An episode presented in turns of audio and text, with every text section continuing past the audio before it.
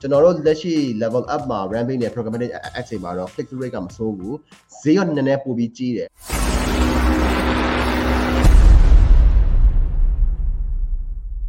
မျိုးတန်းဆိုတာမေးထားတာပါ page ရဲ့ chart channel Fiverr channel Telegram website တွေကို page က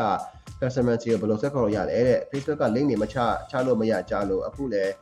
blogspot link စတင်တာတော့အဖြတ်ခံရဆိုတော့ blogspot link ကတော့အဖြတ်ခံရတယ်ကိုမျိုးတန်းဆိုရင် ဒါပေမဲ့ကိုယ့်ရဲ့ custom domain တစ်ခုအနေနဲ့လုပ်တယ်ဆိုလို့ရှိရင်တော့အဖြတ်မခံရပါဘူး။ဘာကြောင့်ကျွန်တော်အဲ့လိုပြောလဲဆိုတော့ကျွန်တော်တို့ရဲ့ FYI marketing media ရဲ့ content တွေတော့ကြည့်ပါ right ဒါလည်း website ပဲ link ပဲဒါလည်း link ပဲပေါ့နော်ဆိုတော့ကြတော့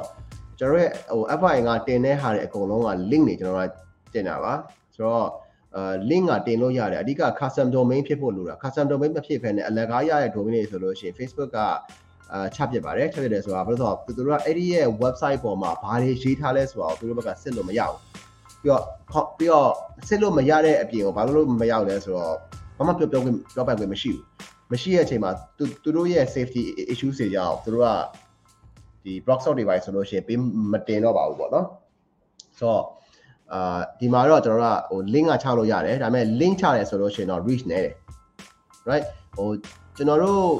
FI မှာဘာလို့ reach နေတော့မှ link ချလဲဆိုတော့ကျွန်တော်ဒါလည်းကျွန်တော်ရဲ့ strategy ကျွန်တော် share ပါလေနော်အဲ့တော့ကျွန်တော်ရဲ့ strategy ကျွန်တော်ကျွန်တော်သွားတဲ့အတွက်ကြောင့်တော့ကျွန်တော်ကိစ္စတော့မရှိဘူး link တွေသွားပေးတယ်ဒါပေမဲ့အဲ့လိုမျိုးမလုပ်ချင်ဘူးဆိုလို့ရှိရင်က Zuckerberg လုပ်နေတဲ့ပုံစံရှိပါတယ်။ဘာလဲဆိုတော့အပေါ်မှာစာရေးတယ်ပုံကြီးပုံထည့်တယ် first comment ထဲမှာကျွန်တော် link ထည့်ပါတယ်။အဲ့တော့အဲ့လိုမျိုးပုံစံမျိုးလေးသွားမယ်ဆိုလို့ရှိရင်တော့တို့ရနိုင်တယ်ပေါ့လေနော်။အဲ့တော့အဲ့လိုမဟုတ်ဘဲနဲ့နောက်တစ်ခုကကျတော့ဘာနဲ့တော့လို့ရလဲဆိုတော့ Facebook boost လုပ်လိုက် boost လုပ်ပြီးလို့ရှိရင် traffic ကိုအာကျွန်တော်တို့ဘယ်လိုခေါ်မလဲ traffic ကိုအာ